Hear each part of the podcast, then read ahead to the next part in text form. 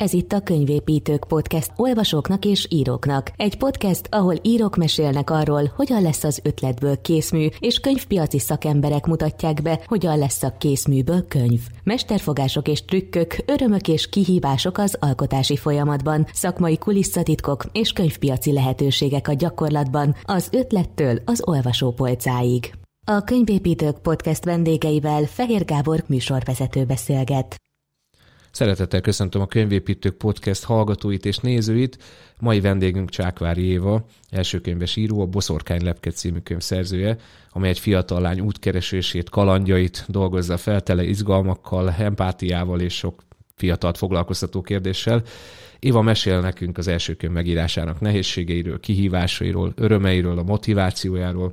Megbeszéljük, hogy mi késztette arra, hogy megírja ezt a könyvet, és arra is nagy hangsúlyt fogunk fektetni, hogy mi különbözteti meg azokat, akinek így van egy jó ötlete, és, és ír ezt-azt, azoktól, akik már az első regényüket dedikálják.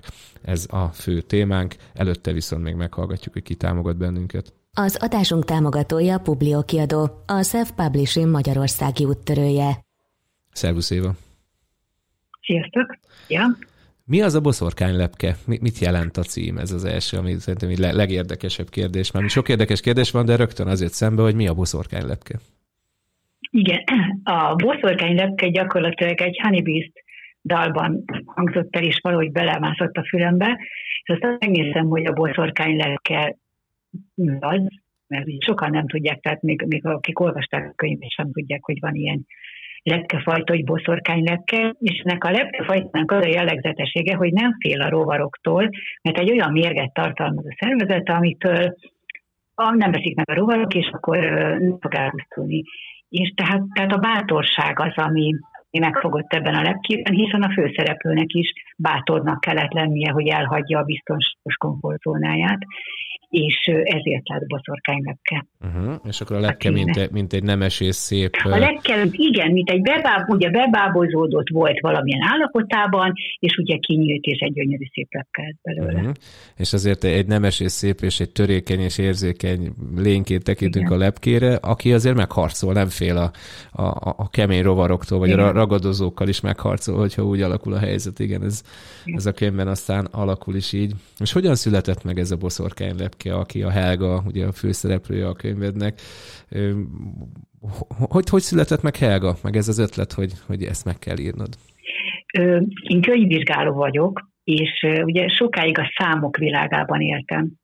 És és írtam korábban is magamnak, vagy másoknak, ilyen szűk csoportnak, de hogy mindig megtörtént eseményeket írtam le. És aztán, amikor egyszer 2019-ben elmentem a Magyar Íróképzőbe, és láttam, hogy mindenki olyan fantasztikus sztorikat hoz ki az elméjéből, és nekem meg nem sikerült, mindig ragaszkodtam valami konkrét történethez, és akkor erőlködtem, hogy találjak már ki egy uh-huh. olyan sztorit, ami, ami nem történt meg, és és hogy hiszed, hanem de ez borzasztó nehéz volt. Tehát a, én a racionális világban éltem, és ez nagyon nehéz volt, és, és aztán egyszer csak jött ez a Helga, nem tudom, de, de egy írótáborba készültem, és ott volt, hogy majd felolvashatjuk a novellákat.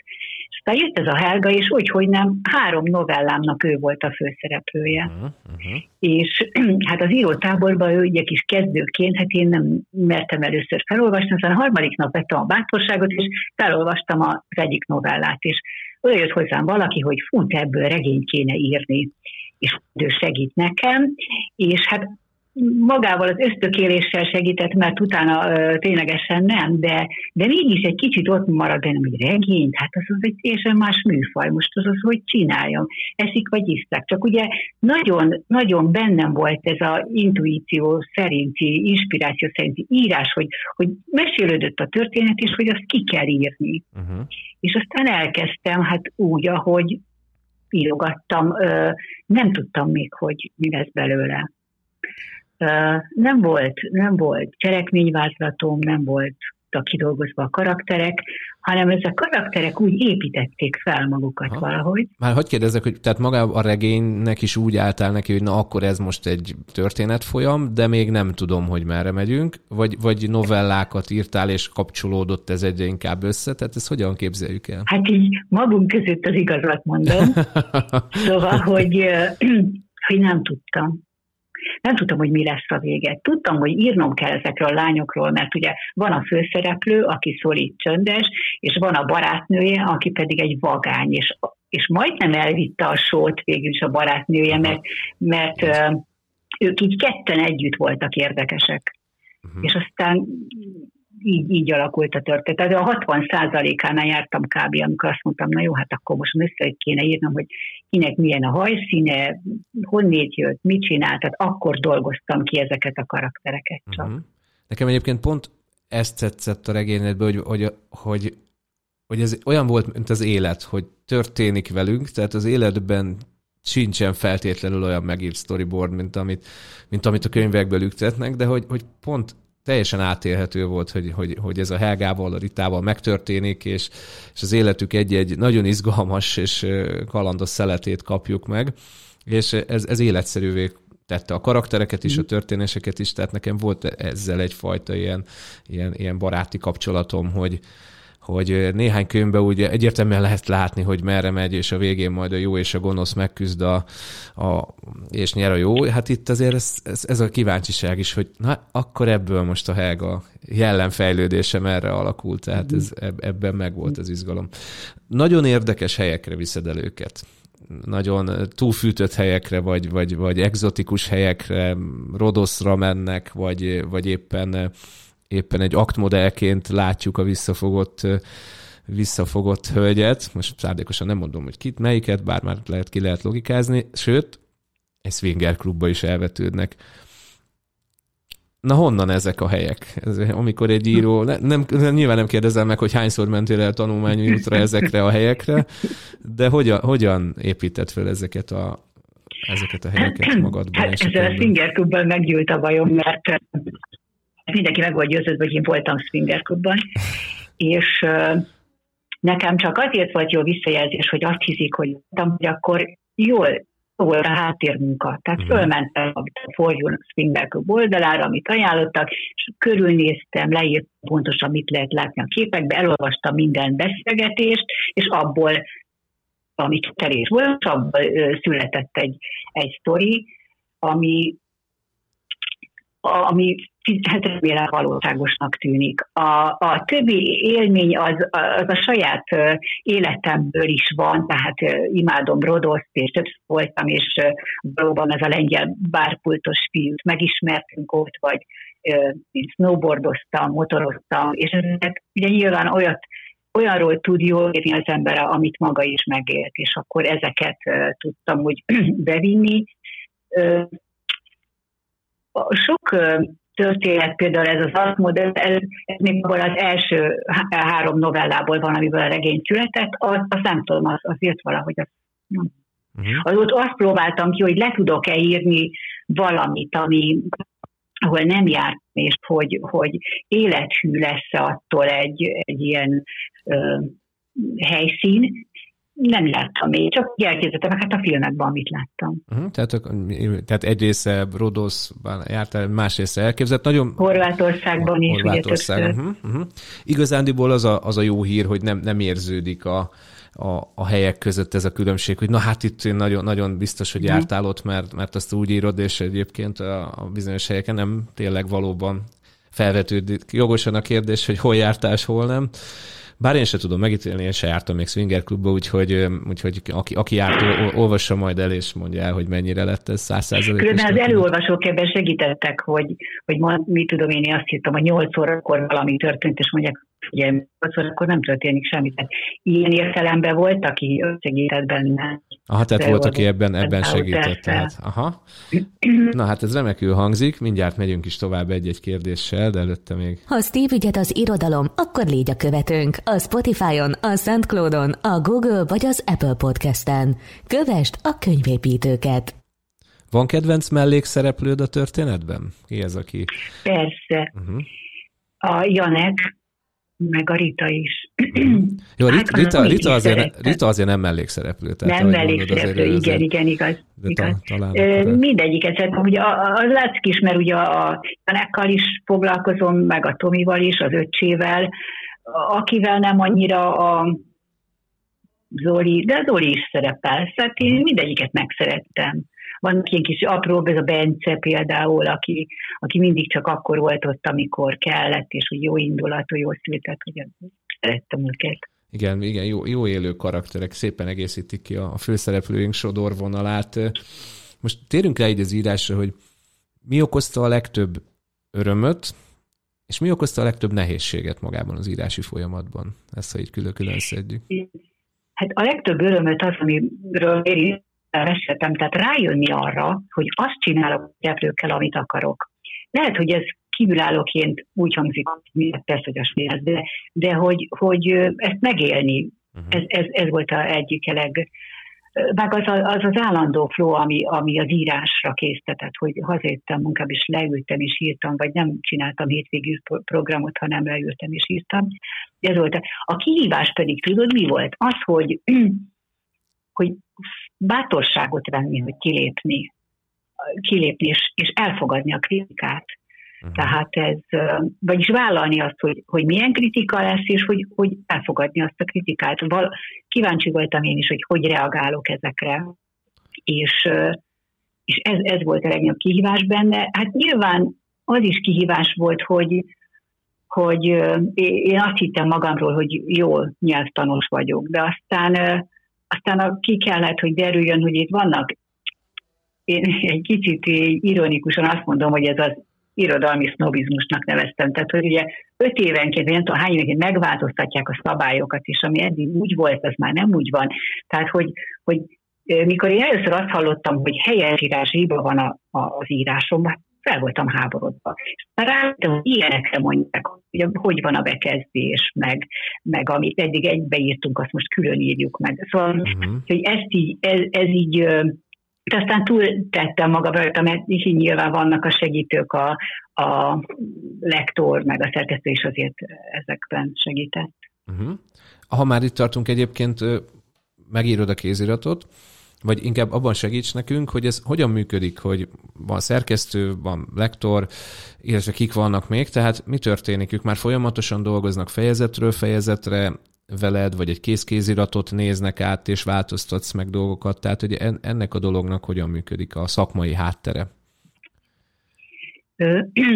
Hát úgy kezdem, hogy tehát én nem akartam feltétlen kiadni ezt a könyvet.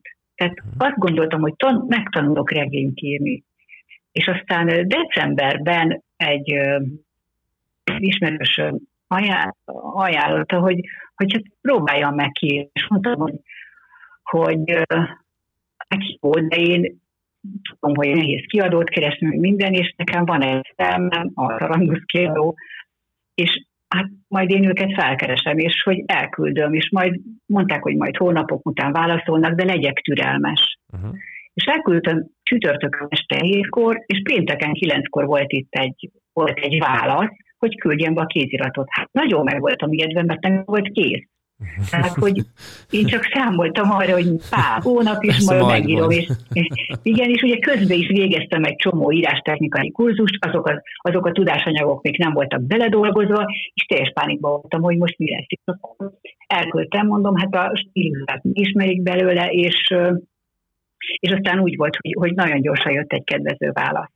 És akkor én ott nagy buzgalomban azt írtam, hogy majd január 31-ig befejezem.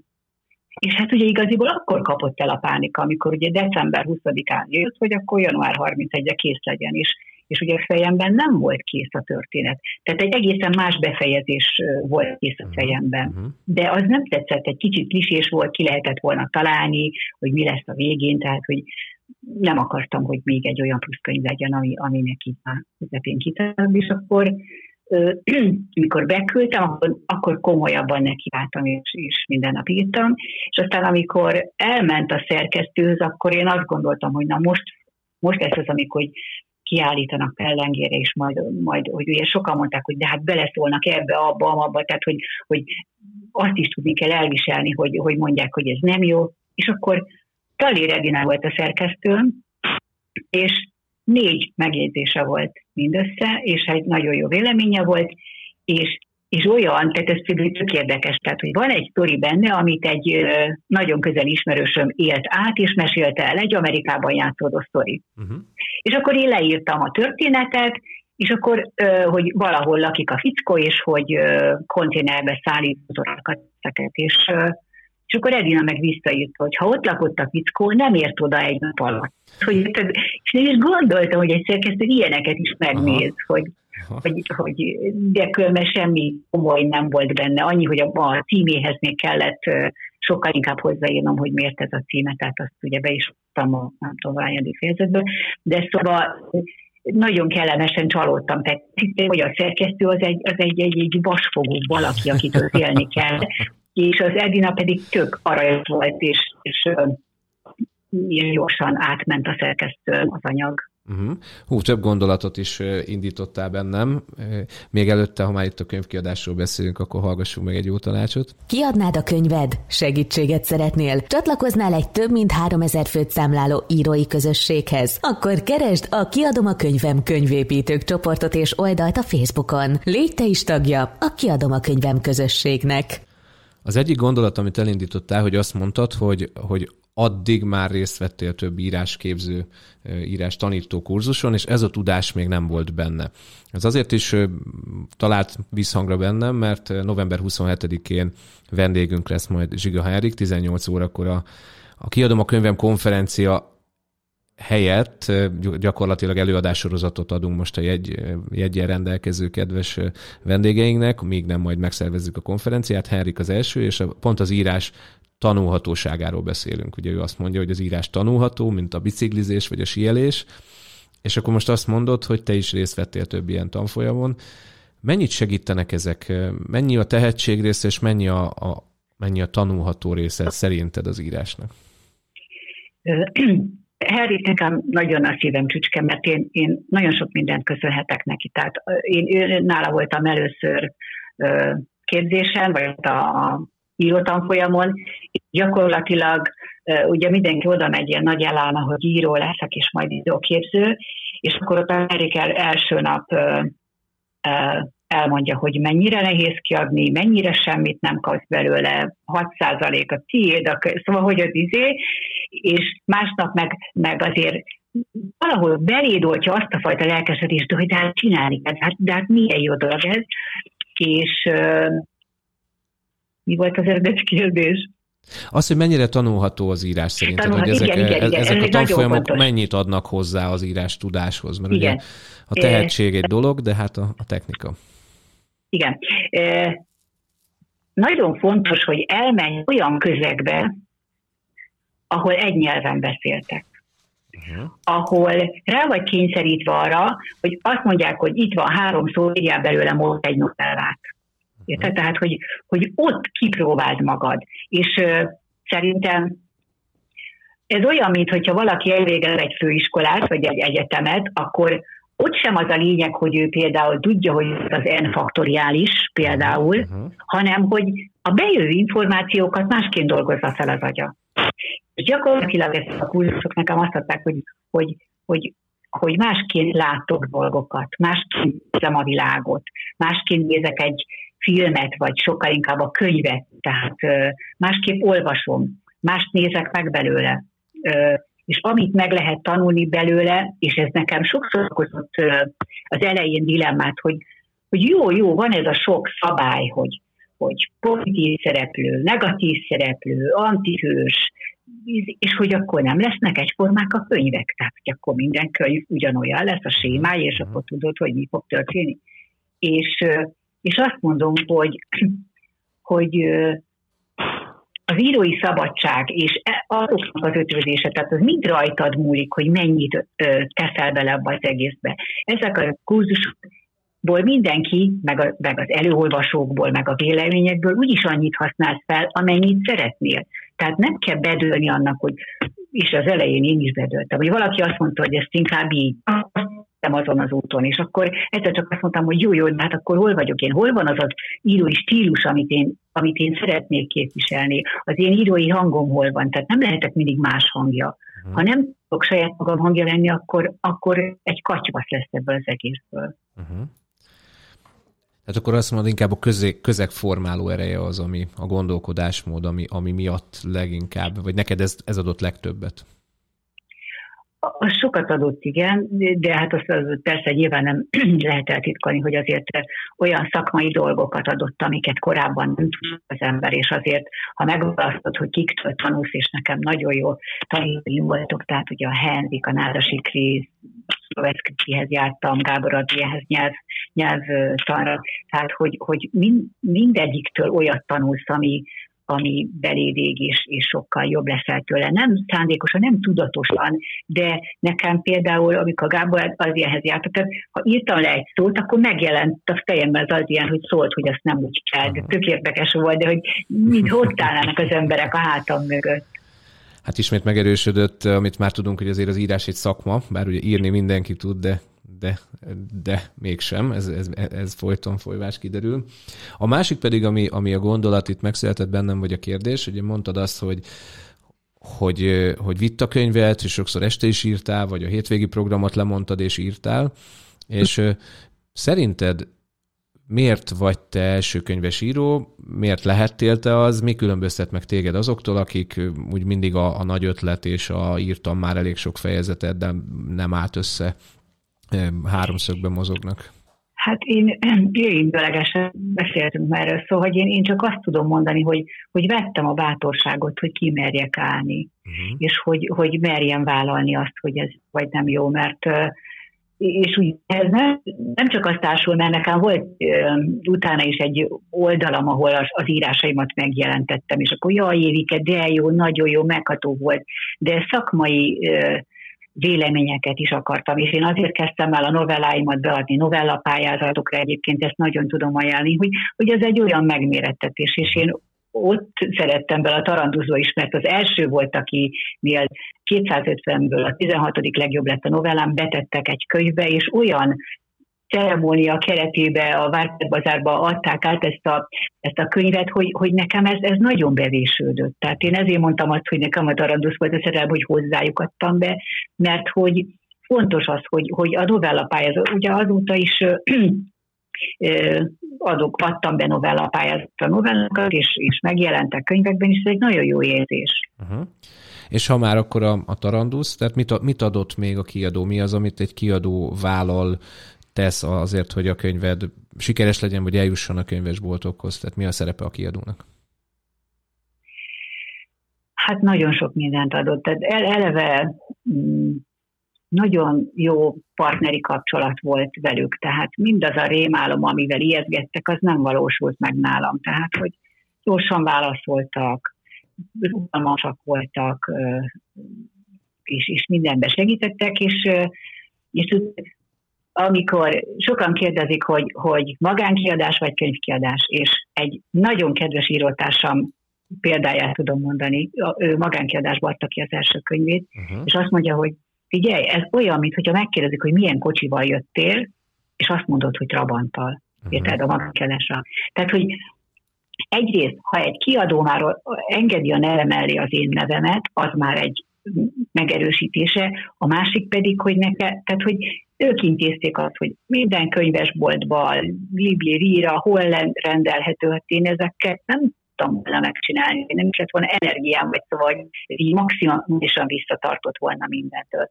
Lehet hozzá egy olyan kiadóhoz adom be, aki először visszautasít, akkor nem adtam volna ki a könyvet, mert ugye mondtam, nem akartam minden áron kiadni, tehát ez mhm. csak egy próba volt. Ez egy próba volt, ami, ami, ami aztán fényesen ami sikerült, jó. Igen, ami, ami, igen. ami a próbán abszolút átmentél. A, a kiadó jól reagált. Hogyan reagálnak az olvasók? Mik a visszajelzések? Mit látsz? Ezt látom, hogy, látom hogy a Facebook oldaladon zajlik az élet, és, és nagyon, nagyon jó nézni, ahogy, ahogy emberek fotózkodnak a boszorkány lepkével, vagy, vagy írják, hogy hol igen. olvasták, mikor olvasták, hogyan hatott rájuk, tehát, tehát van körülötted mozgás, de, de mégis mik a legkedvesebb visszajelzések a számodra? Ugye volt ez, hogy tegyél fel egy képet a, a, boszorka, tehát a könyvvel és aztán ugye Balaton az indiai óceánig mindenhol, mindenhonnét vannak képek. Örültem, hogy férfiak is vállalták és tettek fel képet velem, mert aztán épp most egy írótársam írta, hogy, hogy ez nem, tehát nem kifejezetten nőknek szóló, tehát, és hogy ugye azért vannak benne olyan gondolatok, ami ugye mindenkinek szól, és nagyon jók az olvasói visszajelzések, és ez nekem nagyon kellett. Nekem történt egy tragédia az életemben azutáni hónapban, hogy leadtam a kéziratot. A váratlanul elveszítettem a férjemet, és, és én hat hónapig nem írtam semmit, és, és ha, ha nem lett volna ez a könyv sikere, és az olvasói visszajelzések, akkor, akkor egy ilyen befele menő úton indul volna el, és, és, és nem tudom, hogy mi lett volna annak a vége és hogy ebben is nagyon sokat segített a könyv, meg, meg olyan, olyan élményeket élek át ezekkel a, tudod, a könyvbemutatókon, hogy például meghívott a Bokodi Nyugdíjas Klub, és hát mondta egy ismerősöm, hogy viccel már nyugdíjasoknak hogy ezt a Igen, erős. Igen. Igen és akkor úgy, úgy gondoltam, hogy jó, hát nem kéne elmenni, de aztán van egy bokodi kötődésem, egy gyerekkoromban, meg a szüleim ott laktak, és akkor elmentem, és sokat változnak már az emberek, és ott volt 60 ismeretlen ember szinte, de nem, hát azért 15-öt ismertem előle, hanem ami a hozadéka volt ennek az egésznek, hogy másnap keresett egy újságíró, és megírta, hogy a és a, a nyugdíjas klub eseményéről hanem hogy én ott voltam, és hogy itt, és utána riportot készített velem, és ugye egy hét alatt kétszer bent voltam egy újságban, és ez érdekes volt, hogy, hogy hát nem is gondoltam, hogy ilyen hozadéka is lesz ennek az egésznek híres ember leszek a megyőbe. Aha, tehát az ember körül elindul egy mozgás, és, és, és sok impulzus kap, és hát bizony akkor, akkor nagyon jól jött ebben az élethelyzetben. És tudod, az előbb kifelejtettem, de szóval ezt is meg kell gondolni, hogy, hogy képsze a, a nyilvánosságra, akkor valamennyire a magánszférába be kell engedned az embereket,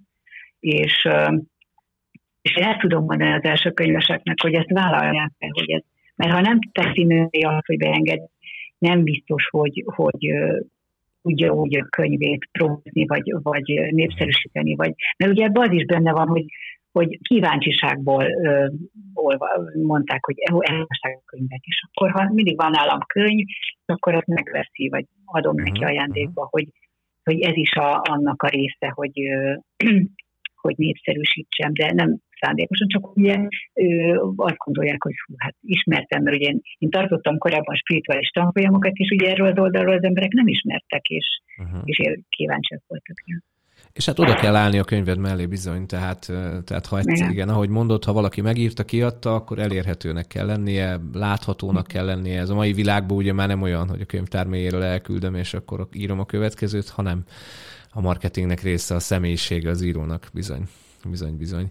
Engedd meg, hogy, hogy a hallgatóink figyelmébe ajánljak egy kedves kolléganőt, aki, aki a következő vendégünk lesz, és számára különösen nagy kihívás, hogy kilépjen a könyve mellé, úgyhogy egy, egy kis reklámot fogok ismét bejátszani. Tragédiák, megbélyegzések, egy szerelmes kapcsolat telekockázattal. Új élet, második esély, ami időnként veszni látszik a múlt miatt, de a végén fényderül az igazi ködös igazságra.